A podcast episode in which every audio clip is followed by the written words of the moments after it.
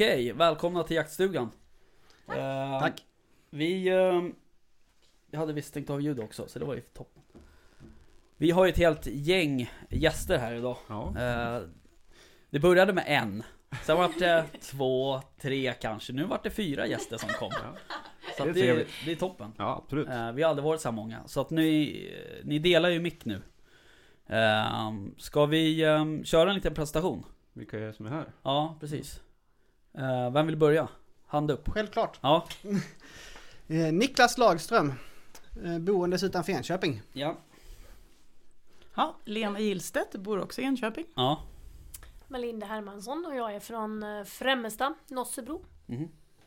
Och Louise Björk och jag kommer från Västerås. Okej.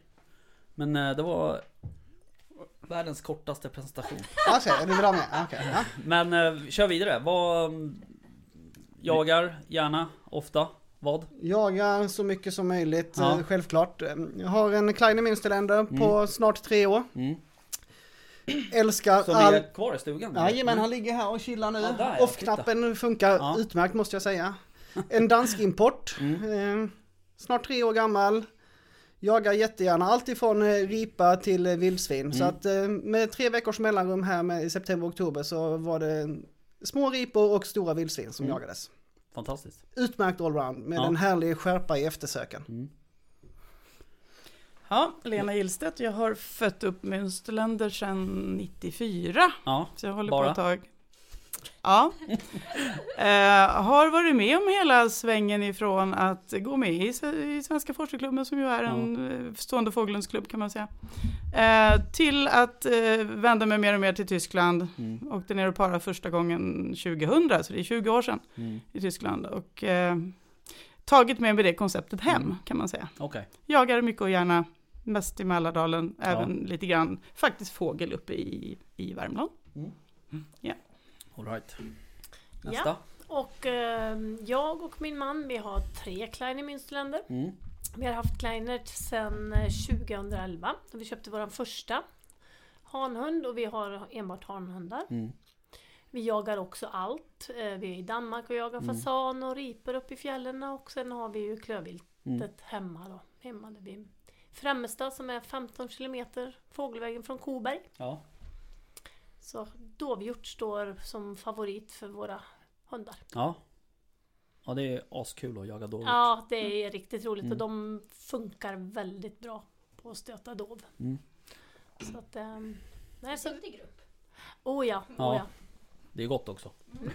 Men så har jag, vi har två stycken avelshanar Ja. och eh, sen har vi ett, eh, ett spåres som vi kallar våran mellanhund. Han är fantastiskt duktig på eftersök. Och, Så ni bara har på som eftersök? ja, för att han har inget skall. Nej? Mhm. Han Det finns- har inte mycket till skall på jakt. Han har ståndskall men inte någon Mm. drevskall. Okej. Eller stötskall då. Så, Nej. så att ehm, vi har en sån hund. Mm. Alright. Mm. Sen Ja. hade vi Sen har vi Louise här då. Louise. igen. Ja. Eh, hörs det bra eller? Ja, jag tror det. Ja.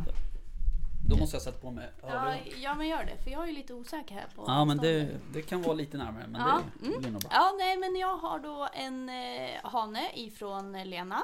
Mm. Eh, vår första mönster. Och vi hade Cavalier King Charles Spaniel innan det. Mhm. Så helt annorlunda. Men det var min sambo som gärna ville ha en jakthund. Ja. Och sen eh, fick vi hem Frank. Och han eh, omvandlade mig också. Kan man säga. Mm. Så nu tycker jag också det är skitkul. Ja. Och eh, eh, han jagar allt. Eh, min sambo kör mest eh, klövvilt. För det är det som finns Mm. hos oss. Och sen eh, kör jag gärna apport. Okej. Så fågeljakten tar väl jag lite Mm. mer. Okej. Mm. Alright. Och sen har vi importerat en, en eh, tysk hane i somras. Som är, Alltså en tysk hane. ja, en helt- Münsterländer. Ja, Münsterländer. en tysk sambo har fått komma hem. Jag fattar. Ja. Eh, nej, så han eh, är nio månader nu Ja, eh, och funkar skitbra hittills. okej. Så vi har stora förhoppningar och hoppas att det kan bli en avelshanne med lite nytt blod in till Sverige. Ja, Mm. kul. Eh, vi får eventuellt ehm, tillfälle att komma tillbaka till det där med att ta hem hundar. Mm. Eh, med tanke på hur det ser ut rent provmässigt och, och sådär. Jag tänker från de tyska kennlarna om de kanske inte är jättesugna på att sälja till Sverige just av den anledningen så att säga. Men um, strunt samma, vi kan ta det sen Mm. om det kommer. Yes. Eh, men ni eh, som man, eh, om man läser mellan raderna här så är ju, är ju ni Münsterländer fantaster. Eh, Absolut. och ni är ju här av en anledning. Och det är ju för att ni har ju startat den här intresseklubben. Mm. Föreningen, klubb. Ni kan väl börja med att berätta lite om bakgrunden. Eh, liksom var, hur, hur det kommer sig. Och jag har förstått att det har gått runt några år här med att försöka skicka remisser och hit och dit på provändringsregler och sådana där saker. Eh, men berätta lite om hur, hur allting har gått till. Ja, det är väl så att vi, vi, vi känner väl och när man håller på och surrar runt det här ämnet så kommer man alltid tillbaka till att det finns inget riktigt bra system för att mäta och bedöma skall på våra prov i Sverige. Och det är väl därför vi ivrar lite för att vi tycker att det är en viktig del och det ehm, just prov som man går med unga hundar som är råa eller nästintill råa. De ska ju vara jaktligt väckta. Mm. Men vi vill ha fram prov som ehm, hjälper oss bättre i aveln Ja. än vad vi tycker att vi får nu på det, Okej. med det system vi har Mm. idag. Det är jättefina prov och uh, jättemånga fördelar med de prov vi har men detta tycker vi saknas och vi Mm. dri- har drivit detta, eller försökt att driva. Mm. Men ehm, vi tycker väl inte att vi lyckas och det är jättebra så vi känner att vi har tagit ett lite, lite större grepp nu då. För att få komma till rätta för vi är lite oroliga över att den är, slutar att fungera som allround om Mm. man inte kan testa den också. Mm. Så att det kommer med i aveln då. Ja. Ja för det där är ju ett, jag har ju själv en Münsterländer. Mm. Eh, och det där är ju nu Nu fick jag henne lite hastigt och lustigt kan man ju säga. Det var egentligen inte planerat. eh.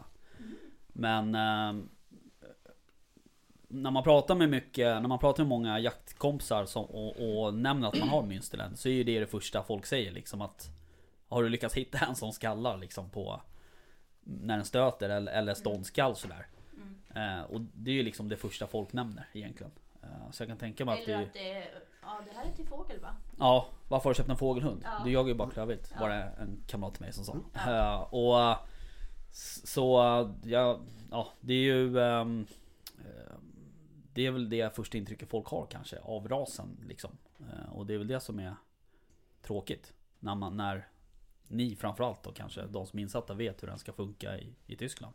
Mm. Antar jag. Absolut. Och tanken med de här proven då som vi har jobbat eh, för att föra in här i Sverige är ju att man ska få fram allroundheten och det är ju Mm. både ståndet Mm. och stötande egenskaper till exempel. Ja.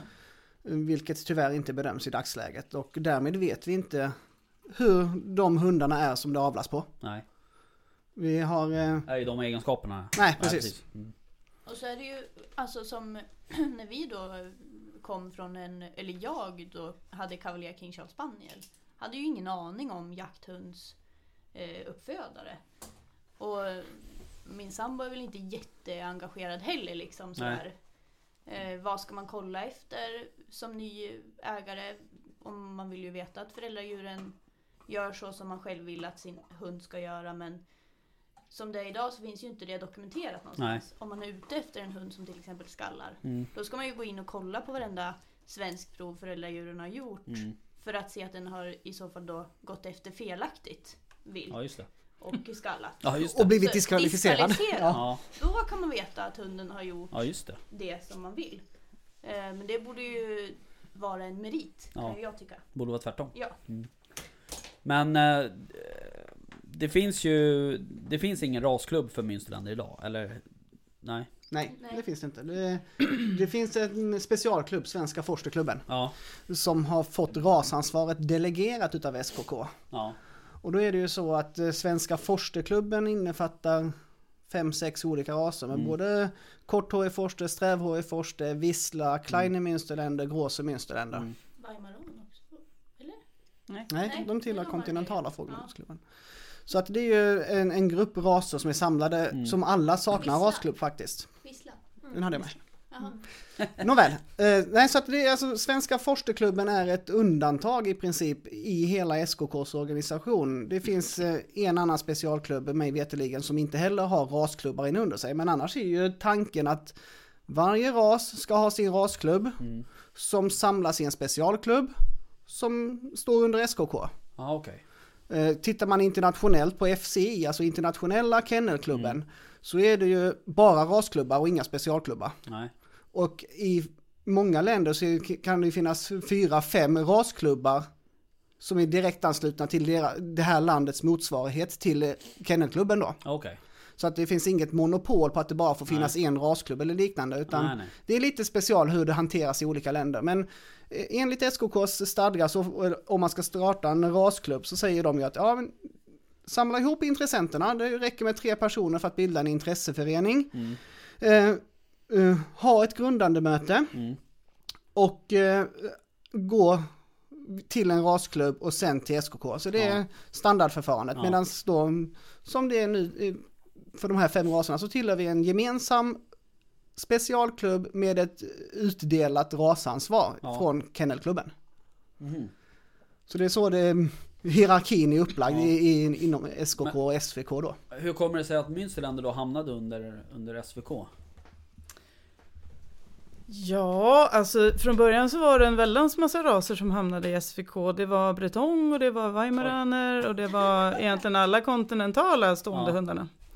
Sen någon gång på 90-talet så vet jag inte vem som tog initiativet till delningen, men det slutade i alla fall med att Weimaraner, eh, Bretong och de här andra, de bildade den övriga stående fågelhundsklubben Ja, som blev en egen specialklubb. Ja. Men de fick då behålla rasklubbarna under. okej. Så de har både rasklubbar som tillhör en specialklubb och Mm. sen samarbetar de ändå med prov och så. Mm, mm. Eh, I Forskarklubben så bestämde man av någon anledning att det fick, det fick inte finnas några klubbar i klubben. Okej. Vilket innebar att eh, vi då inte har några rasklubbar utan eh, alla ska säga, säga samsas och fungera demokratiskt Ja. tillsammans i alla fall.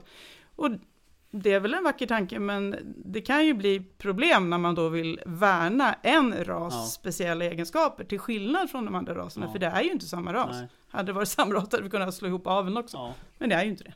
För det var, det var min, eh, det var en fråga jag hade nämligen. eh, prov och sånt. Uh, ser, ser proven likadan ut? Oavsett om det är en vissla eller om det är en... en Ja, jaha, de ser exakt likadana ut.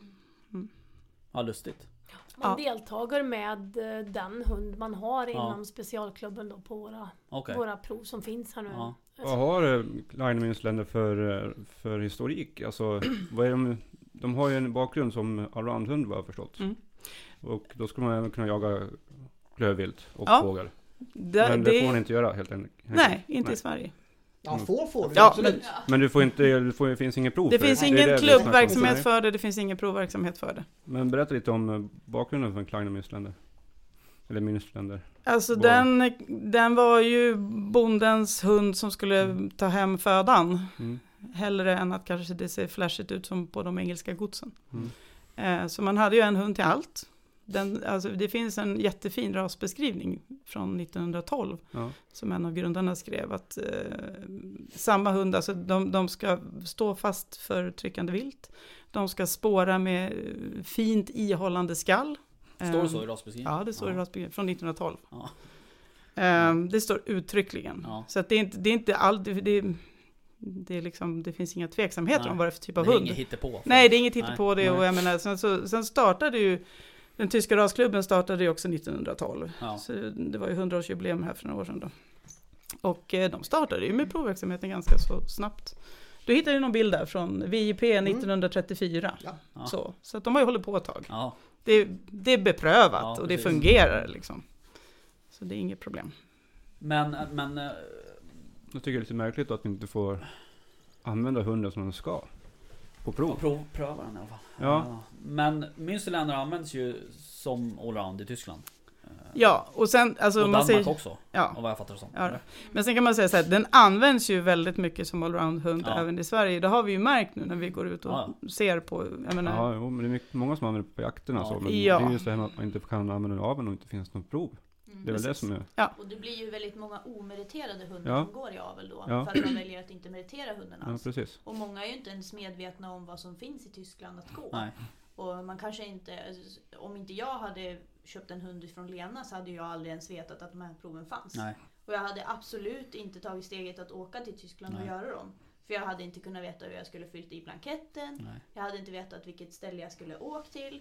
Det finns ju enorma eh, liksom, skillnader. Mm. Än att åka tre mil till Enköping eller ja, vad man nu ska och gö- gå ett svenskt prov. Så det, det går ju inte att jämföra. Så det slutar ju med att många då kanske inte ens meriterar hunden utan man, man säger att den eh, går fint i skogen och sen Mm. litar man på det och så ja, avlar man ändå. Mm. Man skäller, helt enkelt. Ja, Ja, man får ju hoppas det, för risken är ju att man avlar på tysta hundar. Ja. Och om man ska gå in lite grann på jaktetiken, hur är det att ha en ganska långbent hund? Ja. Och om, det här hör ju väldigt mycket ihop med strävhåriga forstrar också, som är betydligt större. Mm. Som också används allround och de går precis samma prov i Tyskland. Och de går precis samma prov i Sverige på fågel. Mm. Men eh, där är ju skallet eh, mindre avlat på, om man säger så, här i Sverige. Mm. Men det är ju väldigt många fortfarande som använder dem på klövviltsjakter som stötande. Mm. Och då har du allt oftare en tyst hund som går väldigt fort. Mm. Och där kan man ju börja fundera på vad är det man vill ha? Ja. Du får ingen förvarning för Nej. djuret som jagas tyst och passkyttarna har, hör inte hunden som kommer. Ja, nej. Så det, det, det blir väldigt snabba skott Ja. och inte lika säkert. Nej, det är inte alls bra. Och jaga med tysta hundar över, överhuvudtaget. Kan jag tycka. Vi märker ju också när vi får frågor om det här med etik att ja men hur kan ni släppa dem på klövvilt, är det verkligen etiskt? Eh, ja, till att börja med är ju hundrasen anpassad för hårviltsarbete Mm, så det är ju inget snack. Nej. Men sen är det det riktigt etiska, det måste ju vara att man tar ansvar för de här jaktegenskaperna och testar dem provmässigt. Mm. Då får man ju också kontroll på Ja. dem. Och kan kontrollera att de inte till exempel börjar gå efter för långt och sådär. Nej. Testar man dem inte Nej. så har vi ingen, då har vi ingen kunskap alls. Nej, då är det ju en fri marknad. Då är det fri Och Då vet marknad. ju alla vad som händer. Ja. Ju. Eh, jag tänkte på en, eh, en grej där, vi ska backa bandet lite till ert bildande av den här föreningen. Eh, för ni hade något möte här nu i, i oktober, var det? Ja november va? November var det Ja. kanske? Ja. Eh, berätta lite om det.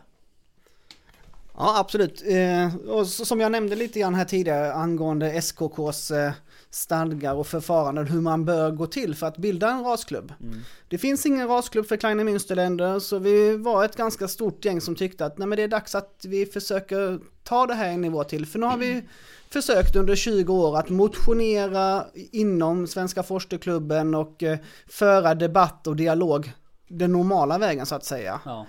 Och då... Eh, det är ju problemet när man är en liten grupp i en demokrati. Då det kan det vara svårt att få igenom, eller få sin röst hörd. Ja. Och få igenom sina tankar. Och då tyckte vi att det var dags att eh, ta nästa steg. Så att vi har varit i kontakt med SKKs juridiska avdelning under ett års eh, mejlande och kontakt fram och tillbaka. Eh, vi kollade upp väldigt noga vad som gäller för bildandet utav rasklubb och eh, så vidare. Mm. Men vi valde att ta steget lite längre än bara kalla ihop tre personer i en källare som är kravet i princip. Så vi gick ut i vad vi tycker, eller även, ja, jag skulle säga att det är det största forumet för Kleine Münsterländer i Sverige. Det är ju den här Facebookgruppen Kleine Münsterländer Ja. med över 2000 medlemmar som är intresserade i rasen. Mm. Och även gjorde även en publik hemsida, kleinemünsterländer.se. Där vi la upp all information helt öppet. Vi följde SKK stadgar hur man ska gå tillväga för att bilda en rasklubb och deras agenda och så vidare. Och så bjöd vi in till ett öppet möte ute på landet eh, ganska nära Sveriges närmaste stad helt enkelt, Enköping, för att så många som möjligt skulle ha möjlighet att komma dit. Mm.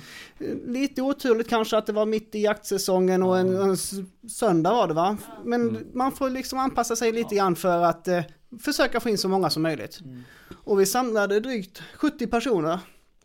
SVK, alltså Svenska Forskarklubben var inbjudna och eh, Svenska Kennelklubben var inbjudna. Ja. Forskarklubben kom med två representanter, ordföranden och dess sekreterare. Och Kennelklubben ställde tyvärr in med väldigt kort varsel på grund av sjukdom. Så att eh, vi hade ett grundande möte där helt enkelt med, med eh, Lite information före om historiken, precis som vi har pratat om här tidigare. Hur rasens ursprung har vuxit fram och provformer och hur det har motionerats inom Forsterklubben och hur vissa raser tidigare har brutits ut och liknande. Svenska Forsterklubben fick eh, möjlighet att göra sin röst hörd hur de såg på det här och de vill ju inte att det bildas en rasklubb. Nej. Och eh, det hölls debatt där mellan deltagare. Det fanns ju såklart både förespråkare och eh, motspråkare om man kan säga så. Folk som inte håller med i, i vår filosofi så att säga. Mm. Och eh, nej, sen så var ju, och vi hade till och med bjudit in en extern ordförande som var helt opartisk men Jaha. van vid jakt och van vid andra hundklubbar Ja. och sådär. Så han var lite insatt. Och eh, sen höll vi en omröstning. Om inte jag minns helt fel så var det 54 14 eller något sånt där i Mm. röstsiffror. Eh, till fördel för att skapa den här då intresseföreningen. För det är ju ingen officiell rasklubb Nej. ännu. Utan målet är att bli en officiell rasklubb för Kleine. Men nu har vi skapat en intresseförening. Som är då grundad på SKKs eh, regler för hur man skapar en rasklubb. För att man i framtiden enkelt ska kunna gå vidare. Mm. Men vill ni... Vill ni lämna SVK? Alltså Svenska Forsterklubben? Bör man göra det för att ha en egen rasklubb? Det är väl det som vi tror många verkar ha fått om bakfoten. För att för det första så verkar det som många av de som är nej-sägare eller Mm. Eh, tror och tänker att nu är det de här proven som ska gälla och de Ja. andra ska väck. Ja. Men absolut inte. Vi Ja, vill ha båda provsystemen för de kompletterar varandra. Mm. Och landet är avlångt och vi jagar på olika Mm. sätt i södra och norra Sverige. Så vi tror att det är viktigt att det ska finnas en valfrihet. Och vi hoppas ju verkligen att vi ska kunna få vara en rasklubb under SVK Mm. för att kunna eh, få till en win-win situation som det innebär när man kan låta medlemmar eh, flyta emellan. Mm. Så att vi kan ta emot eh, forstrar som vill komma och gå våra, Mm. eller det system vi kanske drar igång då. Mm. Och eh, i gengäld så kan de Kleiner-ägare som vill fortsätta gå eh, fält, fjäll och skog, Mm. de här proverna, att de ska kunna fortsätta meritera på det sättet. Och några av oss kanske kommer att dubbelmeritera. Mm. Så att vi har ju en förhoppning att vi ska kunna samarbeta. För att, för att just nu så är det ju en liten grupp mönsterägare som är nöjda och får det de vill. Mm. Och en stor grupp står både ja, med ett ben i Mm. Forsterklubben och en, ett utanför. Och väldigt många står också utanför helt. De är, väljer att inte vara Ja. medlemmar i Forsterklubben. Och vi hoppas ju att de ska då tycka att det här känns så bra nu så att ja, men då, då går vi med i Kleine Münsterländerklubben och därmed också som, eh, som det sig bör i paraplyklubben Forsterklubben. Då. Mm. Och vi tror ju att det gynnar ju alla eh, på detta sättet alla blir nöjda. Mm. Men eh, det jag tycker är lite konstigt är att vi, vi som nu tycker att vi vill ha in det här nya provsystemet, vi ska inte få ha något provsystem alls. Utan nej, det ska inte vara det här provet. Nej. Eh, Så att med all, mångas goda samvete så ska vi stå helt utanför. Eller rätta oss in i ledet Ja. och gå fågelprov. Ja. Istället för att eh, tillåta de här proverna och vi alla blir nöjda och belåtna. Så att jag, Ja. jag tycker det, för det handlar ju inte om att inte vi accepterar att hunden används till fågel. För det tycker jag, det är helt självklart Mm. ska vem som helst få använda sin hund till vad som helst. Men aveln måste spegla hela paketet. Vi Mm. måste ha med alltihop i den lilla hunden. Ja, för det är ju också så man... eh, Det känns ju som att eh, nästan vissa tar illa vid sig vid att vi tar upp det här. Ja. Och det är ju inte så att vi menar att, eh, att det är någonting dåligt att Nej. ha en jaktchampion i Sverige. Alltså det är ju fantastiskt Mm. att man har nått dit. Mm. Det säger ju inte vi någonting om. Eh, Och jag är ju imponerad över det. Mm. Men det är ju bara det att för, för vår typ av jakt här nere passar ju inte de proven. Nej. Så det ju, handlar ju mer om att det passar bättre för vissa med det och passar bättre för vissa med det andra. Mm. Men, men det behöver ju inte betyda att det, det ena är rätt eller fel. Nej. Utan det är ju bara att det passar olika. Ju. Och vi tycker ju också att det är lite tråkig utveckling nu att det blivit två läger och Mm. att det blir smutskastningskampanjer och eh, väldigt låg nivå på de här eh, grupperna. Mm. Och många gånger på grund av mycket okunskap och rädsla naturligtvis då, att man tror att något ska försvinna eller så. Så vi hoppas att, och det tror vi ju på att vi ska kunna ordna om vi får vara klubb under SVK för då får ju även de som tycker om SVK och proven och allt vara kvar. Mm. Så att det, är ju, det är ju vårt mål men sen om Årstaklubben inte vill ta våran utsträckta hand Nej, så då har vi ju inte jättemycket val. nej. Nej, så är det ju. Men det är ju också, vi måste ju tillägga det att det, alltså eh, eh, har ju gjort en jättegedigen eh, ett arbete för att få fram ATUT till röstning i Ja. lokalavdelningarna. Som de här proven kallas. Ja. För lyssnare som Ja, inte Ja, det var till det jag skulle säga. Eller VJP och och som de kallas i. Tyskland. Då. Okej. Men i Danmark heter de ATUT och det var det namnet som Forskarklubben valde när de började jobba mot de här proven. Okej. Ja. Så och de har alltså ett jättefint arbete som eh, egentligen beskriver allting ju. Hur man ska gå tillväga, vilka problem som kan uppstå och vilka lösningar man har på det. Mm. Eh, och sen tyvärr då så var lokalavdelningarna eh, många av dem negativa till det. Mm. Eh, och då kommer ju det här som Niklas sa att när man är en minoritet så är det ju väldigt svårt Mm. att få igenom någonting. Mm. Ehm, och då bestämde sig eh, högsta styrelsen att eh, lägga ner Ja, det här eh, arbetet och inte ta upp det till fullmäktige. okej. Och sen också ge svar på att man inte kommer göra det i framtiden heller. Och det var Jaha. ju det som blev liksom de spiken i nästa kistan. två fullmäktige-mötena Ja. skulle de i alla fall inte Nej, Ja, okej. Och det är vartannat de ville- år, så det är fyra år i framtiden. Ja, okej, okej. fyra år framåt. Sen eh, vill jag ju också säga det att det som verkligen gjorde mig upprörd och ledsen och besviken det var ju att man dels så kom det här beskedet att nej vi kommer inte fortsätta jobba med det här Nej. som det ser ut nu. Och dessutom samtidigt så kommer det fram att man man plockar bort eh, giltigheten på om vi nu vill åka till Tyskland och fortsätta gå proverna där för att ta hem tyskmeriterade hundar så gäller inte de meriterna här i Sverige som merit längre.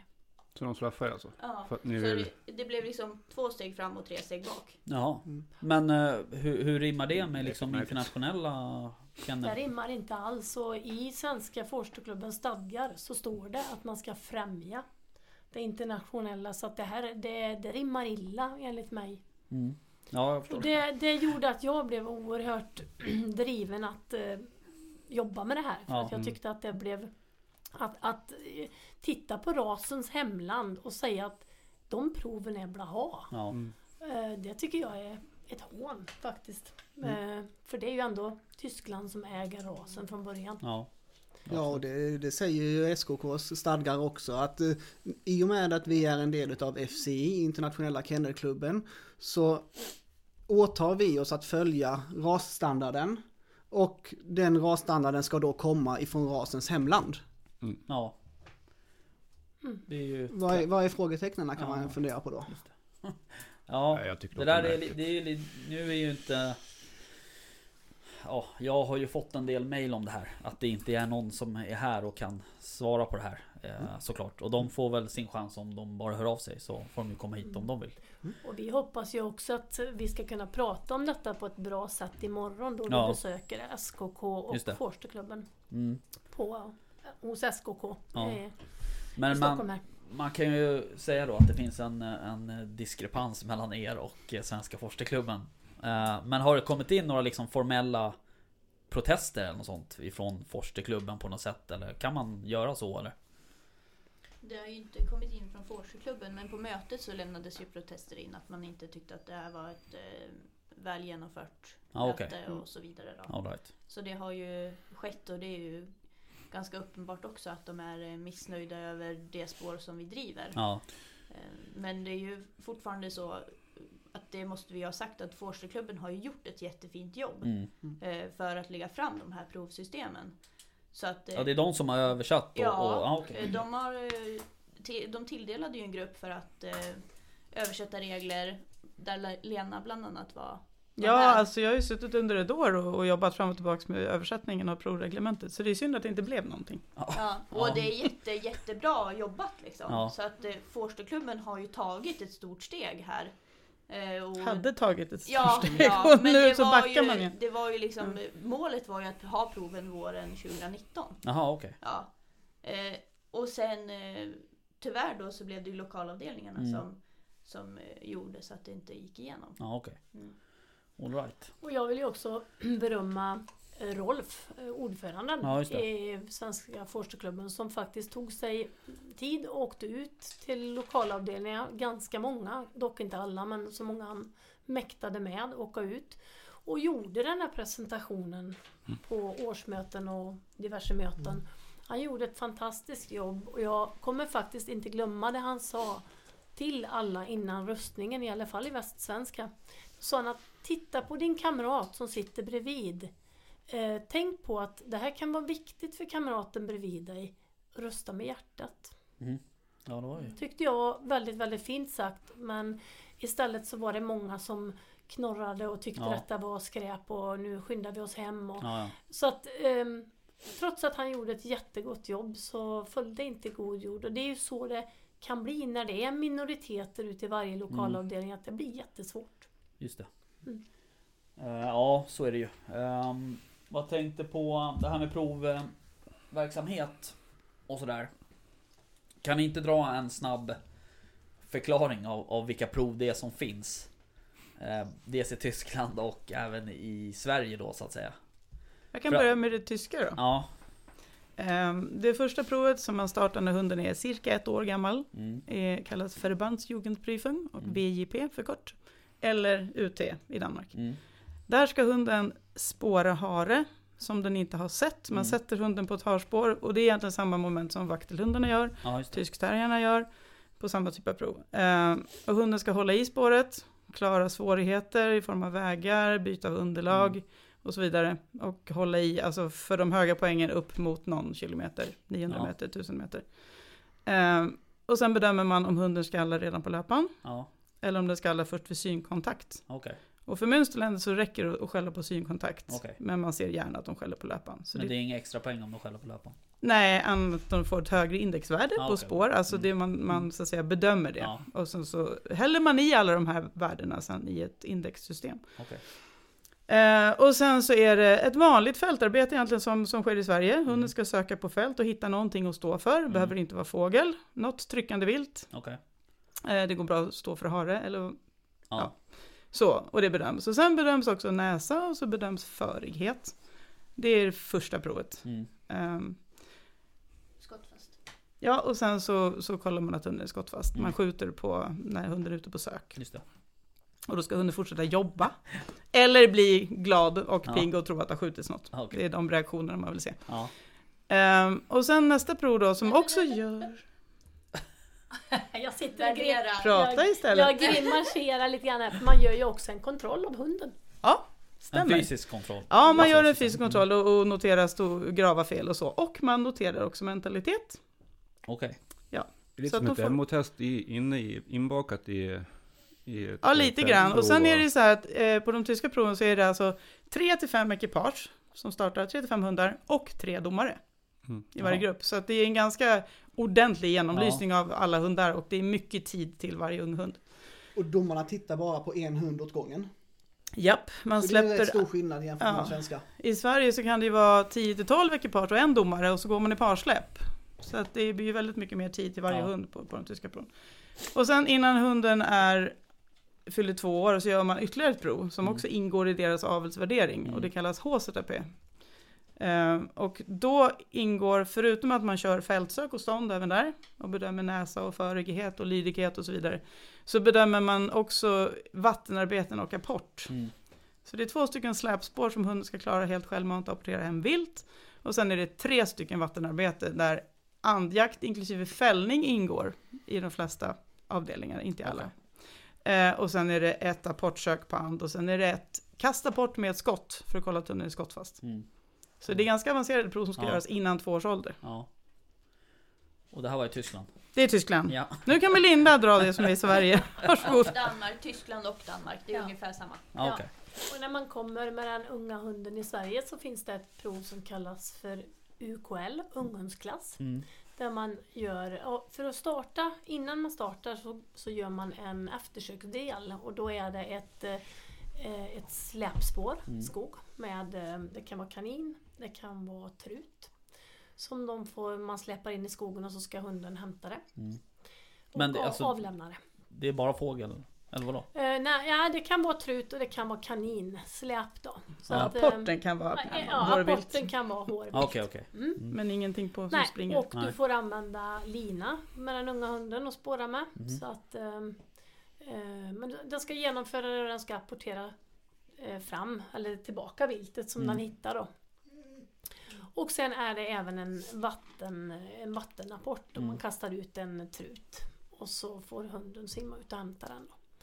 Och sen när man klarar de här delarna, eller ja, unghund får även starta fältdelen utan att ha klarat men den ska klara delarna för att få ut en eventuell Ah, pris. Så att man kan starta fälten då, då men Mm. fält, fjäll eller skog. Eh, Så att när man har gjort de här momenten som, då, som är 10 poäng som Mm. högst, då får du då exempelvis 8-10 eller 10-10 så kan du fortsätta vidare till fältdelen då. Okej. Och eh, den unga hunden ska ju även där då visa upp, eh, söka på fält.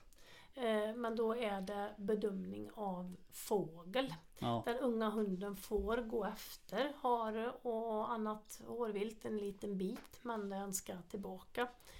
För att om den inte kommer tillbaka inom rimlig tid då, så då blir den diskvalificerad då. All right.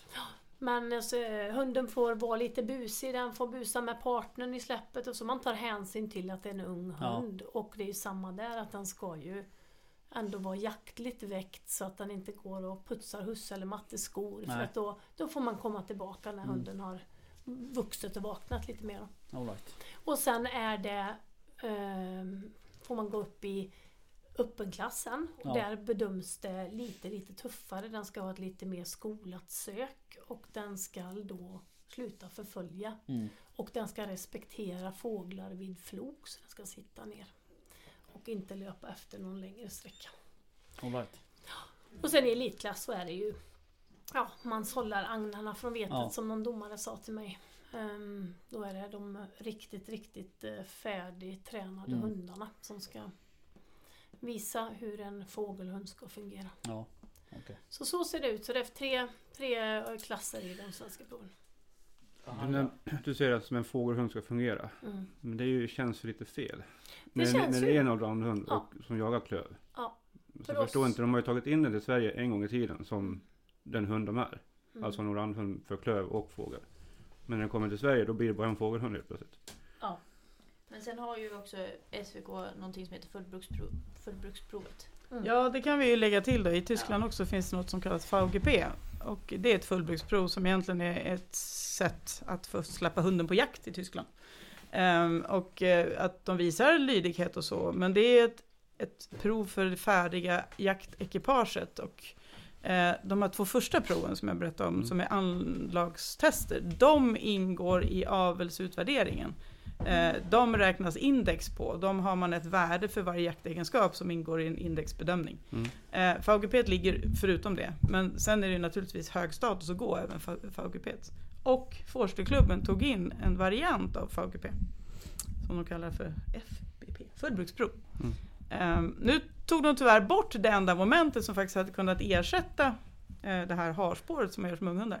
I Tyskland finns det nämligen ett moment också i skog där hunden ska jobba som vi jagar i princip i Mälardalen. Man släpper hunden i en såt och den ska Mm. stötta fram vilt och Mm. skalla. Eh, Det finns på det tyska fullbruksprovet och det är borttaget på det svenska så det var tyvärr ingen ersättning då. det finns ett, Mm. någon slags system i det hela. Sen är det ju också synd då för att, eh, som de menar på att fullbruksprovet skulle kunna visa den allround typiska hunden. Mm. Det blir ju också ett problem för eh, de har ju valt att ta in den svåraste modellen. Alltså Mm. man ska ju ha klarat av väldigt mycket för att gå ett fullbruksprov. Eh, och eh, det känns ju som eh, jäg, alla jägare eh, prioriterar ju inte proven. Nej. Nej. Man har ju inte en hund för att gå prov. Men, och då blir det ju att många är omeriterade. Mm. Så för att få fler att meritera så måste man ju få till de här proven som kan ske tidigt. Och att inte allt hänger på föraren. Nej. För eh, liksom att man klarar att gå i elitklass, det handlar ju många gånger om hur duktig man är som hundförare. Mm. Inte hur duktig hunden är Nej. egentligen. Nej. Såklart spelar det ju roll att man Mm. har en duktig hund. Ja, visst. Eh, självklart. Men eh, som till exempel jag själv kan ju inte se, jag känner ju inte mig som en tillräckligt duktig förare för Nej. att kunna gå ett fullbruksprov då. Eh, men däremot ett VIP och ett HZB så kan jag liksom Mm. eh, kä- känna att jag och min hund Mm. kan komplettera varandra liksom. Och det ser man också på deltagandet för att i Tyskland så är det alltså uppåt 70% av populationen startar det första provet, Jaha. VIP. Det är alltså 700 av 1000 Ja. födda varje år Ja. som startar provet. Och då får du ju också en jättebra bild av Ja. hur populationen ser ut. Mm. I Sverige så är det ju ett fåtal som Ja. startar på forskarklubbens prov så de, de har inte ens den Nej. fördelen. Och som jag då som tog in en tysk eh, Ja. sambo. Ja. Han är snygg. Han är snygg. Brun och vit. Nej men alltså han, eh, där var det ju i eh, avtalet inskrivet att Ja, ja. jag måste gå VIP och HZB. Ja, okej. Så eh, han, han skulle ju inte ha godkänt att jag gick ett svenskt prov. Nej. Han tycker ju det var självklart att jag skulle Ja. gå minst VIP och? HZB i Ja. Tyskland. För att jag ens skulle få köpa en hund. precis. Men det, det var det som var kriteriet liksom att, Ja. Och det vill jag ju också säga, för många har ju fått lite om bakfoten att, att vi måste ha proverna så att de verkligen blir så Tyskland godkänner de här proverna i, Norden och Sverige. Och, Mm. Men de kommer aldrig göra, göra det. Det har aldrig varit aktuellt och det har definitivt inte varit aktuellt att de har kikat på och godkänt våra fågelhundsprov. Nej. Så jag förstår inte riktigt vad den, varför man hejar på så mycket om det. Att ni kan ju inte göra de här proverna i vårt land. För vi, det stämmer ju inte med etik och allt möjligt. Och tyskarna kommer aldrig godkänna det. Men Nej. det här är för vår skull. Ja. Det kommer inte vara aktuellt att tyskarna ska godkänna våra prov. Nej. Sen är vi ju klart glada om de ser att vi försöker att få dem så lika som vi kan Ja. i vårt land. Men det, det kommer inte vara aktuellt med något Nej. godkännande. Nej. Utan, De har ju inte godkänt något land. De har ju sina prov i sitt land. Det är de som Ja. gäller för merit där. Så att, Alltså det enda vi kan göra i Sverige är ju att försöka selektera hundrasen likadant som man selekterar hundrasen i Tyskland. Ja. Sen att vi gör det i vår egen regi, det spelar ju ingen roll, bara Nej. vi gör likadant som Just de gör det. Så, så det, det är också jättebra att man får fram det, att det är liksom inte tanken att vi ska börja skicka ut avelsdjur till Tyskland, för det var inte meningen med våra provsystem. Nej, utan, okej. Men det jag tycker är fantastiskt bra också är ju att de tyska unghundsproverna, de går man två gånger. Ja. Har man inte lyckats då, då, ja, sorry. Ja. Det är ganska tufft. Ja. Men att hålla på och harva kanske uppemot Mm. en, eh, ja i värsta fall kanske 60-70 starter på svenska prov. För det första, Men man det har kan, ju... det kan ju inte... Jo då. Jo då, Det händer. det händer. Det är sant. Och det kan bli en jaktchampion efter så många starter men för mig, jag vet inte riktigt vad värdet blir. Det är klart att det är en, en duktig hund naturligtvis att det är. Men jag vill ju helst se det i den unga hunden. Ja. Så att man ser att oj, det här var ett bra avelsdjur. Mm. Jag kan inte avgöra om det är föraren som har lagt Nej. att man har tagit championatet till slut på så många Nej. prov. Så att jag tycker det finns många andra fördelar. Det känns ju jobbigt om man, har, om man har otur 68 gånger. Ja. Och tur den 69 Ja, men sen känner jag också att det är också i, som, som jag känner att man ska jaga med sin hund Ja. och eh, hålla på och gå prov till hunden är Ja. kanske 6-7 år. Ja. Då är det ju ett annat syfte Ja. man är ute efter. Ja, så att jag visst. känner att det, det hjälper inte vår avel. Men det är säkert jättetrevligt för den som tycker om att gå prov. Men det är Och vi den som om. vill göra det, den får ju göra det liksom. Det handlar ju inte om det. Nej. Utan Nej. det handlar ju om att man måste locka fler till att gå prov för att man ska kunna ha någonting att gå efter. Hur stor är Münsterländer i Forsterklubben? Alltså hur, hur, hur stor andel av Forsterklubben är Münsterländer ägare? Ungefär Vet du det? 20% när man går igenom ägardatan. Ja okej. Och den rasen har stigit kontinuerligt eller? Nu är vi ju faktiskt förra året, äh, inte förra året men 2018 då, så Mm. var vi faktiskt störst ras i Forskarklubben. Jaha. Alltså, all- flest registrerade valpar. Ja. Precis. Flest registrerade valpar både 2017 och 2018 om inte jag minns fel. Jag tror 2017 var vi delad plats med kort hår, under 2018 var vi första plats. Ja, Okej, ja, det är ju hårfint i sådana Mm. fall. Ja. Mm. Um, Så att det är ju den, eh, och tyvärr så dalar ju vissa av de andra raserna. Jaha. Men Münsterländern, Kleine Münsterländern har blivit väldigt populär Ja. med sitt breda användningsområde. Ja, hur? Eh, Så att det är 20% ungefär utav ägarna. Okej. Ja, men det tycker jag också. Jag har märkt att eh, man pratar med jägare så Münchland är något som kommer upp på tal ganska ofta nu. Speciellt när vi gör, kör klövjakt som vi gör. Ja. Plus att den kan jaga fågel och Mm. apportering och sådana saker. Så den är, alla kan ju arbeta med den. Ja. Och det är, ju- ja. Nej, men det är det som vi är väldigt mycket för i det här, alltså vårt, vårt engagemang är ju att komplettera, vi vill ju inte exkludera någon. Nej. Fågelsproven ska absolut få finnas kvar. Som flera har sagt här, det är jättetrevliga sammanställningar. Oftast om man eh, har hunden med sig. Men eh, man kan ju komplettera det med de eh, avelsproven som används i Tyskland och Danmark. Mm. För att inte utesluta. Mm. Nej, och sen är det ju också så, det finns ju jättebra fågelhundar och det finns jättebra eh, vildsvinshundar. Mm. Men det finns väldigt få raser idag som kan göra båda två Mm. så bra som münstern kan. Mm. Och det känns ju väldigt dumt att, att liksom börja jobba münstern mot ett sätt där det andra försvinner. När det redan finns raser till det. Mm. Liksom. Jag tänkte på en annan sak. Jag läste lite om uh, Münchland. Det står att det är en spanieltyp. Varför hamnar den då i Forsterklubben? Men det är alltså, om man tittar på FCIs standard så Ja. hamnar den i grupp 7 och då finns det, det finns väl två delar, det finns bracktypen och så finns det spanieltypen. Och Vad är bracktyp? bracktyp är typ korthåriga forster, forsterhundarna Okej, som, som ser ut på det sättet. Och det tror jag är en, en gammal indelning bara på urgamla hundtyper. Mm. Eh, och mönsterländen, alltså den finns ju avbildad, inte som ras, för den bildades 1900-tal, men typen, jakthundstypen, den går ju tillbaka mycket, mycket längre. Så det är ju inte en... Man hade två stammar från början som man la ihop till, till en ras, eh, men de här stammarna och de här, den kontinentala jaktspanien har ju funnits jätte, jättelänge. Mm, hade den fått, hade den haft större chans att få genomslag om den varit i spanielklass? Typ? Ja, alltså Nu. den är ju inte, det är, man kan ju säga, eh, den är ju inte en spaniel på det sättet, Nej. utan den har ju ståndanlag, vilket Ja. innebär att den hör ju hemma i grupp 7 och ingen Okej. annanstans. Ja, för Det är vill grupp inte sju- ändra det heller? Nej, nej, absolut Nej. inte. För den, alltså om man säger att grupp 7 är ju en samling där av hundraser som har ståndet som gemensam nämnare. Okej. Mm. Men det betyder Det inte att de inte har några andra egenskaper som man måste ta hänsyn till Mm. också. Och då har vi de rena engelska Mm. fågelhundarna Mm. som bara jagar fågel. Mm. Och sen nästan alla kontinentaler har något annat jobb vid sidan av fågeljakten. Ja. Ja, precis. En annan... Och och en, en liten Ja. eh, parentes där bara, vi kan ju inte ändra den tillhörigheten. Okej. SKK kan inte ändra den Nej. tillhörigheten utan det är Mm. internationella kennelklubben Ja, FCI som, som styr den indelningen för Mm. grupperna. Ja. Och en del av våra um, Kleine Münsterländer vänner som är rädda till exempel om att inte få släppa på fjället eh, under vissa perioder för att det skulle vara en klövviltshund eller liknande och flyttas till olika grupper och sådär. Det, det, det bestämmer ju FCI att uh, Kleine Münsterländer tillhör grupp 7. Mm. Det är en stående jakthund. Ja. Det, det, I den internationella världen så är ju inte grupp 7 stående fågelhundar ens en gång. Utan det Okej. har ju kommit ner till svenska regelverket sen.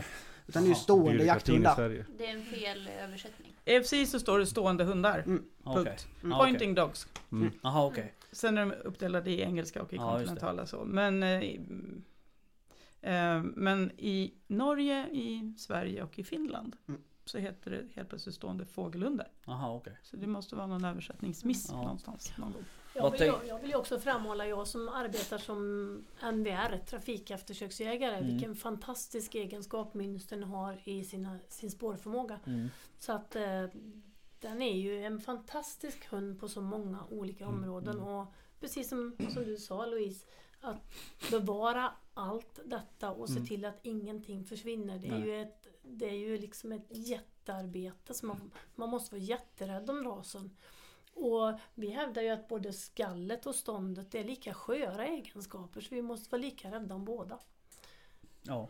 Medan många tycker att nej, nej, det är inte så noga. Varenda jäkla hund skäller väl i skogen om det springer något ja. framför. Det är ju också tyvärr ett problem. Men vi vet ju det, både du och jag nu, Ja. att vi har två hundar som inte skäller. Det är ett problem. Ja, nej det går inte. Men sen är det ju också så att eh, det finns ju också hundraser som skäller på allt. Alltså, Ja. är du med? Det, det, de är väldigt eh, oärliga i skallet. Ja, Precis. och det har och vi det ju är också inskrivet. lika dåligt. Ja, det finns till och med på, på Münsterländer, fast det är otroligt få som får det. För de ligger liksom inte i det, i det spannet. Nej. Utan, men det är det som kallas wide out när de är, skäller på. Ja, Ja. Mm. Och det är de också få. diskvalificerande. ja. Mm. Det får Nej, de inte vara. Men det händer nästan finns. aldrig. Nej.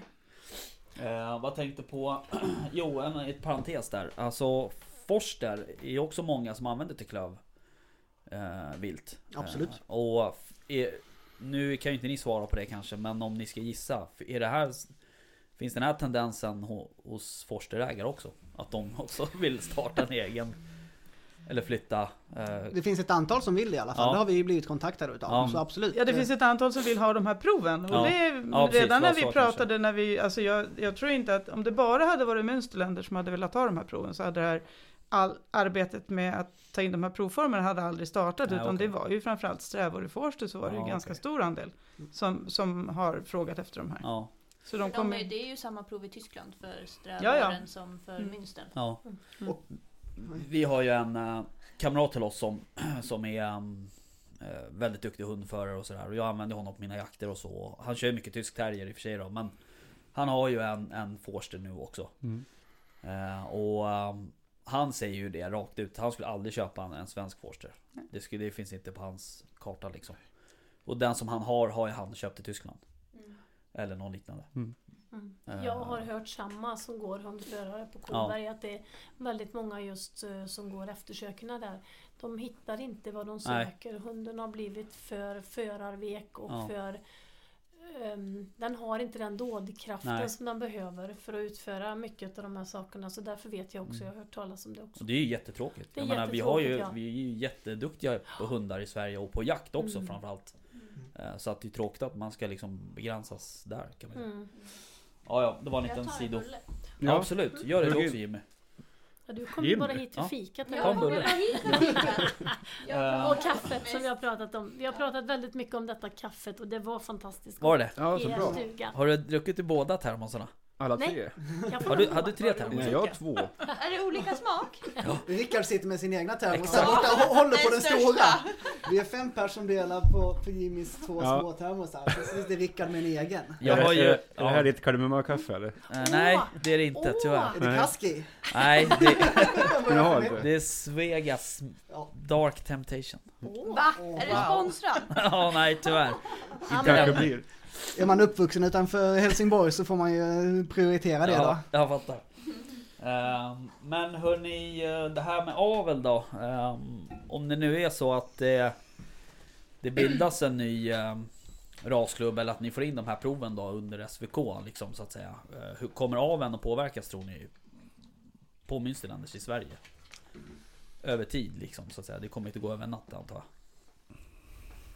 Du menar om vi får in de nya proven? Ja, Eh, får vi in de nya proven så har vi ju alla chanser att avla lika bra hundar som vi gör i Tyskland. mm, Helt klart. mm. Och framförallt får man ju vetskap vad det är för hundar man avlar på. Ja. Det är ju så jag ser det stora problemet idag. Vi har inte en aning om vad det är vi avlar på. nej. Alltså, utav ungefär 2000 registrerade uh, Kleine Münsterländer i SKK så är det 435 ungefär som är medlemmar i Svenska Forsterklubben. Och de, om man ska då gå prov här i Sverige som jag har sagt här nu, då är det ju för att bli utställningschampion eller Ja. jaktchampion så är det ju fågelmeritering som gäller. Ja. Och allt vad det gäller eh, arbete på klövvilt eller hårvilt, räv, hare och annat eh, vet vi ju ingenting om om de inte har gått de danska eller tyska proven. Nej. Men vi måste ju bara lägga till där. Vi vet ju vad vi avlar på på den ena biten. Ja, Ja, det måste vi tillägga. absolut. Att vi, det är klart att det, det, de som avlar efter de svenska meriterna har ju en jättebra, Ja. en jättebra eh, indikation eh, utefter de svenska proven. Mm. Men det är ju bara den där kompletterande biten som, som fattas. Och det är ju samma där. Visst tittas det på hundarna mentalt även i en grupp på ett Forsterklubbsprov. Men det finns ju inga Ingenstans man fyller i på det viset. Det kan stå i fritexten möjligen om det är någon hund som beter De har sig. gnällruta. Ja, det är lite spännande. Ja. Det är lite spännande för jag, jag satt som registrerare så jag jobbade faktiskt med att registrera proven i databas åt Forsterklubben. Och då frågade jag lite om den där gnällrutan för jag tyckte det var så konstigt, den var aldrig ifylld. Den var alltid tom och det fanns liksom inget. Så jag, jag frågade vad det, vad det var för någonting. Och då, då var de väldigt noga med att betona detta att det kunde alltså stå en hel bunt med hundar och gnissla och gnälla under provet. Men alltså det är ju något helt annat. Det är ett förväntansgnäll. Och det ska man inte förväxla med anledningen till att gnällrutan kom till. För det var att det fanns hundar som faktiskt gnällde i jakten. I, i Ja, söket. fast det, det var också det här förväntansgnället som man var ute efter. Ja, men de måste men, kunna eh, bevisa att det är ja. exakt den hund som har Ja, gnällt för precis. gnällrutan. Ja. Så det används inte speciellt mycket. Nej, för man var tvungen att kunna klarlägga och allt det. Så jag Men för man, det. det är ju var- också så här, för det, det är ju roligt och då har de noterat att det har skett någon slags försämring, nämligen att de kanske håller ihop sämre mentalt så att de börjar gnälla när de går passiva. Det var därför gnällrutan kom till, Mhm. för man ville stävja det då. Men jag har också aldrig, jag har suttit som redovisare också länge och jag har aldrig sett den där gnällrutan ifylld. Ehm, Och- Så vi har perfekta hundar i Sverige. Det är klart va? Sen är det ju så här att vi, vi, har ju, vi har ju som sagt brunnit och ivrat för Mm. det här eh, ganska länge. Och många, många av de som, som tycker att vi ska engagera oss i klubben kan ju inte förstå att vi står utanför och det går inte att påverka i klubben. Men vi har ju verkligen försökt, Mm. anser vi. Och jag och min man, vi tog oss, eh, och Lena och flera med oss, tog oss långt upp i Sverige till Härnösand. Där det var avelskonferens. Och det skulle diskuteras om den allsidiga hunden och då väckte vi ju Mm. naturligtvis frågan om de här prov, det här provsystemet i Tyskland då, eller ja, danska och tyska provsystemen. Eh, för vi tyckte det var rätt forum när man är då på en avelskonferens. Men Mm. Ja, då fick vi, tycka. Ja, men då fick vi till oss att mm, nej, ehm, eh, det, ehm, det, det, det var inga planer på att ta in de här proverna och så började vi prata lite mer. Och vi frågade kan man göra någonting med de proven som finns? Kan man sätta in en skallruta eftersom Mm, det finns en gnällruta? Ja. Och då fick vi till svars ganska bestämt att de här proven har vi haft i hundra år. Ja. Varför ska vi ändra på något som fungerar?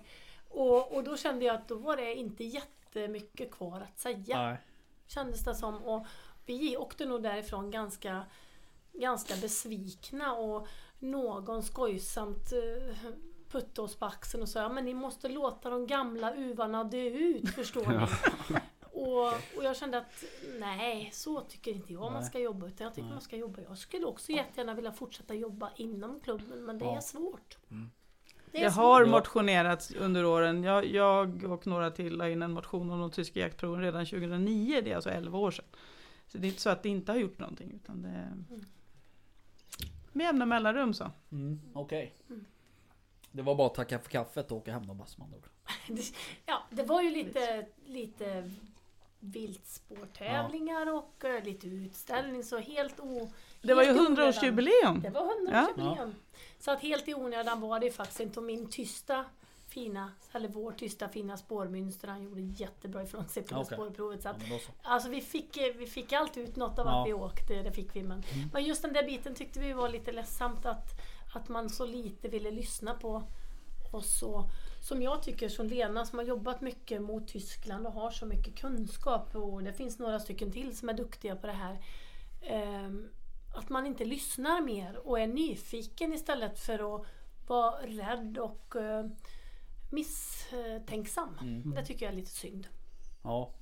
Ja, men, ehm, det har kommit ehm, någon ny rasstandard också för Münsterländer. Eller? Ja, den... Eh, Berätta.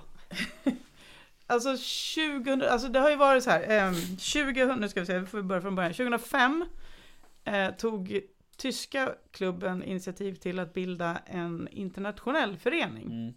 För syftet var att inventera hur det såg ut i alla andra länder. Ja. För att Tyskland är ju väldigt mycket jobb, jobba för sig. Ja. Och så exporterar de en massa hundar Ja. hela tiden. Men det är ju ingenting som kommer in till Nej. Tyskland egentligen. Utan, så de vet ju inte riktigt vad som händer.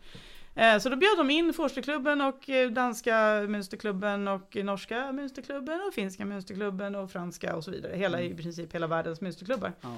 Eh, och 2006 startade de någonting som heter KLMI. Ja. KLMI International.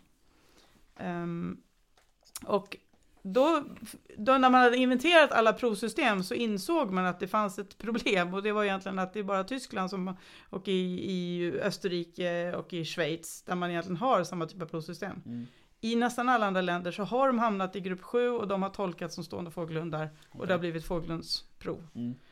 Då ville man eh, på något sätt eh, förbättra det här och försöka få till någon form av internationell prövning. Och då startade KLMI två stycken internationella prov, IMPB och IMPA. Ja. Och de här valsar runt världen, de, har ju, de är väl nästan på prov, provnivå fortfarande. De sker en gång om året och så går de från olika länder. Så det har varit i Frankrike och det har varit i Danmark och det har varit, ja, I år Inte är det i Österrike va? ja tror det. Österrike? Ja, Ja. Jag vet inte. Ja.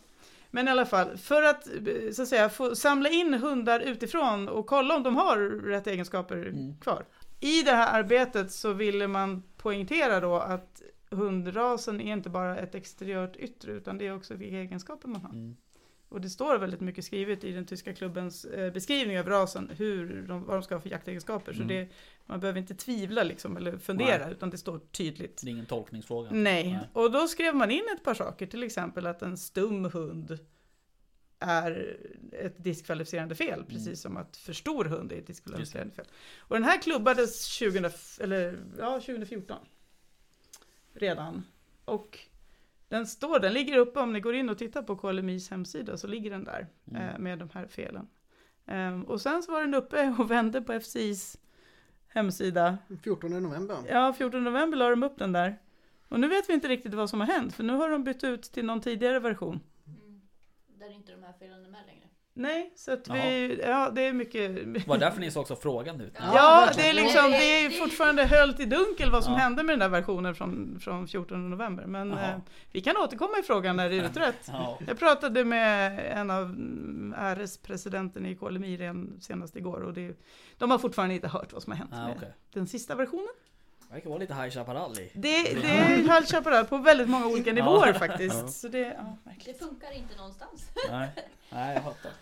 Och det är väl kan vi säga ytterligare en, en anledning till varför vi gärna, gärna vill ha rasansvaret och en egen klubb. Det är ju att vi känner också att eh, representationen nere på KLMI och, och intresset för att hålla sig ajour med det internationella eh, det tappas i storklubben då, eller i Forsterklubben Mm. känner vi, vi. Det kommer inte liksom det, Det är ju- det är ju så många raser Exakt. som de ska Det är ju för pyssla om. många, Och, för många raser liksom. Ja, Mm. så vi känner väl också att där tappas det och jag vet att det blev eh, av misstag så blev vi utan klubben för att eh, medlemsavgift inte betalades in och det, det var ju förmodligen Ja, vi något- blev utkastade ett Ja. tag för att vi inte hade betalat medlemsavgiften. Och Ja. sen så gick vi med igen när KLMI ställde krav att för att få komma ner och para med våra hanar så måste ni vara medlem.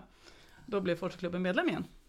Okej. Och Så egentligen så har säkert en Forseklubben misstag. varit med på två möten. Bildande mötet och när de gick med igen. Alla andra möten har de uteblivit ifrån. Så att, Okej. Så det sänds ingen representant och det, då tror vi man kan tappa ganska mycket för det är ju ganska viktiga saker Ja, att eh, hålla koll på. Om Och vi tror att vi skulle förvalta det bättre genom att ha rasansvaret själva då. Det är väl inte med flit som man inte... nej, jag tycker det är helt naturligt att Forsterklubben kanske har ett styvmoderligt liksom, Ja. förhållande till det här. Därför att ras, deras rasklubb Mm. var ju bara för strävår och korthårig Ja. Forster från början. Ja. Och sen la SKK ju liksom Mm. hällt in raser Ja. allt eftersom de har kommit dit. Ja. Så det är klart att det funkar så då. Det är inget Ja. konstigt. Så jag egentligen förstår inte varför Forsterklubben inte bara vill släppa Nej. mönstern. Så blir alla Ant, antingen det eller som, som jag då personligen kan tycka, varför har inte alla raserna i Forsterklubben en rasklubb? Ja. Enligt eh, SKKs modell, att man, Mm. alla raser ska ha en rasklubb och sen så förenas i en specialklubb. Ja. Så precis som jag ser det naturligt att en Münsterländer ska ha sin rasklubb så ser jag det att Mm. korthårig forste, vissla, strävhårig forste också ska ha sina egna rasklubbar. Jag Det är ju mycket, de säger ju mycket om att det är svårt att få hitta funktionärer och så vidare Mm. också. Eh, att de menar på att det kommer vara svårt i klubben. Och det är ju klart. Att det, det är ju inte så att eh, vi kommer kunna starta över en natt och ha Nej. ett fungerande system. Nej. Det är liksom inte det vi går ut och säger heller. Men jag tror ju som jag själv eh, engagerar mig inte riktigt i Forsterklubben för att eh, jag har stött på så mycket motsträviga personer. Mm. Så jag ser ju inte kanske nyttan i att stå och kämpa och sitta vid ett bord Nej. där jag har fem, sex personer som är emot mig. Nej. Alltså det, det är ju inte så att man, åh vad kul, Nej. Och, och engagera sig. Mm. Nej. Nej. Så att det, jag tror ju att det kan bli en skillnad om vi skulle bli en egen klubb. Att, för jag menar det finns ju enormt mycket engagerade människor som gör de svenska proven idag. Mm. Och man behöver ju båda delarna. Mm. Och, och tänk liksom att kunna samlas då Ja. och, och utbyta erfarenheter, Mm. jobba för eh, någonting gemensamt. Inte någonting som blir liksom lite långt iväg om det handlar om fem raser till. Mm. Det blir så svårt. Mm. Ja, det blir ju svårjobbat på något Ja, sätt. Det Känns det blir som. jättesvårt och alla har sin ras som man vill jobba för. Ja, Istället för att då ha en gemensam ras som man jobbar mot allihopa liksom. ja. Mm. Nej, och det skedde, vi pratade med en eh, jaktkamrat. Hon eh, har ju basset och där är det ju fullkomligt självklart att, Ja. att de olika bassetraserna har ju sina klubbtillhörigheter. Och, så hon ser ju ut som ett frågetecken när jag berättar för henne att vi inte får ha vår rasklubb Nej. eller att det inte är intressant för vår specialklubb att dela ut ansvaret.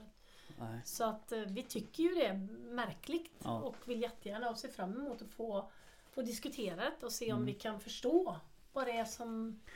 Ja, det, det ska väl sägas det också att eh, nu är ju inte någon ifrån Svenska Forskarklubben här. Nej. Eh, Absolut. och det är klart, de eh, skulle jag ju kanske ha bjudit in. Men det här var lite kort varsel och sådär. Så att är det så att de vill eh, ge någon replik på det här på något sätt. Nu är inte vi ett debattprogram i den synpunkten. Men eh, så får de jättegärna höra av sig. Så vi får de ju hoppas ju också komma hit. kunna ge lite svar och, och efter vårt möte som vi har stora förhoppningar på. Mm.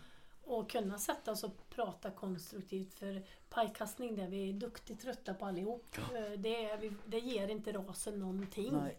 Tyvärr är Utan- vi duktiga på det i Sverige. Ja och, och liksom eh, Jag tycker vi ska försöka bygga något konstruktivt av det här och hoppas kunna dela med oss nu av att vi har kommit till några sådana insikter tillsammans med SKK och SVK. Så Ja. att, Hörni ni, eh, fan nu har vi pratat i en timme.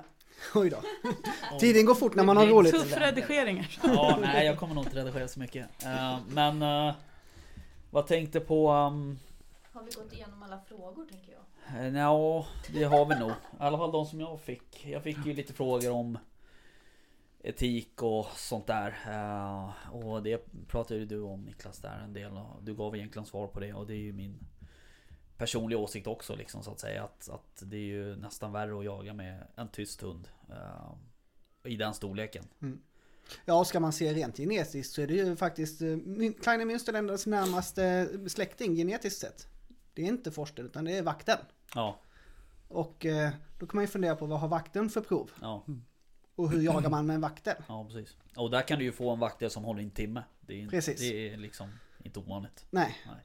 Det, Och det gör de ju inte i Tyskland. Nej, det har ju nej. blivit en försvenskning även Exakt. där. Så att det, man kan, jag tror man ska försöka vara lite trogen Ja. originalen faktiskt. jo lite så. Och sen är det klart, det är många som har hört av sig om att eh, det här är inte alls bra. Det som ni håller på med och sådär och hit och dit och, och så. Och eh, vi ska väl egentligen kanske säga det också att det här är ju egentligen eh, att det är just Münsterländer är egentligen en tillfällighet från, från våra sida så att säga. Hade det, var, hade det här varit en annan klubb så hade det varit lika intressant för oss att prata om det ändå. Sen är det ju så, eller det är en tillfällighet att jag har en Münsterländer så att säga. Det är egentligen aldrig en, en hund som jag har tänkt att jag ska ha. Eh, Men nu vill jag ju fortsätta ha det eftersom jag har haft det. självklart. ja, det är en god hund. Det går. Ja men lite så och ungarna älskar ju henne liksom och, och hon, hon eh, Men eh, ja det blir ju, det blir ju fler Münsterländers för mig eh, Garanterat. Eh, Jag försökte ju också köpa en tysk terrier men det fick jag ju nej på hemifrån så att, så, att så är det. Men ehm, eh, Så det är ju eh, Vi vill ju egentligen Det som vi ville få fram med det här avsnittet var väl egentligen att vi ville lyfta den här eh, liksom eh, rasfrågan så att säga. Alltså att det blir sånt enormt ståhej när det blir, när, när det här kommer på tal. Mm. För jag menar, det är ju inte heller första rasen där det har diskuterats att man vill ha en egen rasklubb och det är Nej svårt då. att bilda. Det, och, det händer ju inom SKK med jämna mellanrum. Ja, Absolut. så att jag tänker att det kan vara intressant för andra som är i samma sits Som har udda hundar till exempel Och alla de här Balkanstövarna som har kommit in nu sista tiden med, med Kopov och, och um, Gonski Polski och alla de där liksom Och Så. de har ju, det var ju senast 2014 det startades en ny rasklubb för den. Som ingick i vildsvin som du skickade bild på. Mm. Det var eh, plott eller? Var plott? Jag kommer inte ihåg vilka det var. men det var ju också slutade- vildsvinshundarnas specialklubb Ja, som fick olika rasklubbar. Mm. Så Ja. det, är som sagt, det händer ju hela tiden. Ja Jo, det är väl det som är lite intressant också, hur, hur, hur det funkar här, Men det är hemma. också, om man ska vara ärlig så är det ju ekonomi som styr allt. Ehm, Men då hoppas ju jag att vi kan arbeta för rasens bevarande. ja, För väldigt mycket om det här handlar ju om att bevara raserna som de är i sina ursprungsform så att säga. mm, Och det är ju det, är det jag brinner för, att bevara allroundheten, inte försvenska Nej. en ras till exempel. Det- Det hör man ju tyvärr ibland i när man rör sig i de här kretsarna att nej men vi har ju avlat i hundra år på att få bort skallet. ja. Mm. Och då får man Och då börjar det krypa i skinnet för Ja. mig. Alltså vi har ett, alltså nu är jag lite filosofisk sådär, men vi har ett ansvar att bevara de hundraser som finns. Ja, Man ser till exempel på schäfrarna hur deras Ja. eh, ryggar, de, Ja. de, de går ju som en tungt lastad bil liksom. ja, På väg från Tyskland. Ja, kanske. Men, och då, när då liksom eh, officiella domare inom eh, hundklubbar säger att den, den svenska forsten Det är ett då, hot mot den svenska då, forskningen. då, då, De blir jag, då, då blir jag mörkrädd. ja. Hörrni ni, eh, nu eh, måste jag nog klippa lite i det här ändå, för nu har vi ju hållit på i en timme, 40 minuter, 50 minuter. Eh, Men det har varit mycket snack om, om Münsterländer då såklart, och hundprat idag. Men ni, vi får väl önska lycka till imorgon. Tack. Tack. Inför mötet. Tackar, det ska Tack för att vi fick komma. Ja, så Ja, får ni, ni får jättegärna höra av er om hur det gick. Absolut. Får inte uppföljning på det. Exakt. Mm. Och alla som har frågor framöver kan ju, får ju också naturligtvis höra av sig. Ja, Mm, det är, Var ska de höra av sig då? ja, är, Info at kleinemünsterländer.se ja, precis. Ja. Den här intresseklubben nu som är gr- grundad har ju webbadressen Kleiner Münsterländer, eller ja, kleinermunsterlander.se. U- Utan prickar och annat tjafs. ja okej. Mm. .se. Så där, där finns lite mail och lite dokument och eh, ifrån det här mötet vi hade. Och sen kommer det väl byggas på med mer information. Vart efter kontakt- arbetet går. Kontaktinfo till er och så. Jajamän. Ja, får vi se om det blir något intresse för fler som vill ha Kleiner framöver. För det är en väldigt fin, trevlig hund. Faktiskt. Fantastisk familjehund också. Ja, det är det. Ja. Jag, Ja, jag, kan säga att det är ju det som vi, vi verkligen hoppas ska förena de här olika Mm. tankarna nu som, eh, som tyvärr är lite delade och målet är ju naturligtvis att vi ska bli ett mönsterälskande stort gäng som jobbar olika med våra hundar men är förenade av att vi har en Kleine Münsterlander eller fler hemma. Mm. Ja, och att alltså kärleken till dem finns ju hos alla. Absolut. Så vi hoppas att det här ska bli bra till slut men vi har lite arbete kvar för att förena. Ja. ja, det är väl, det är väl så i början. Man får slita, slita Ja. sitt hår. Ja, lite så.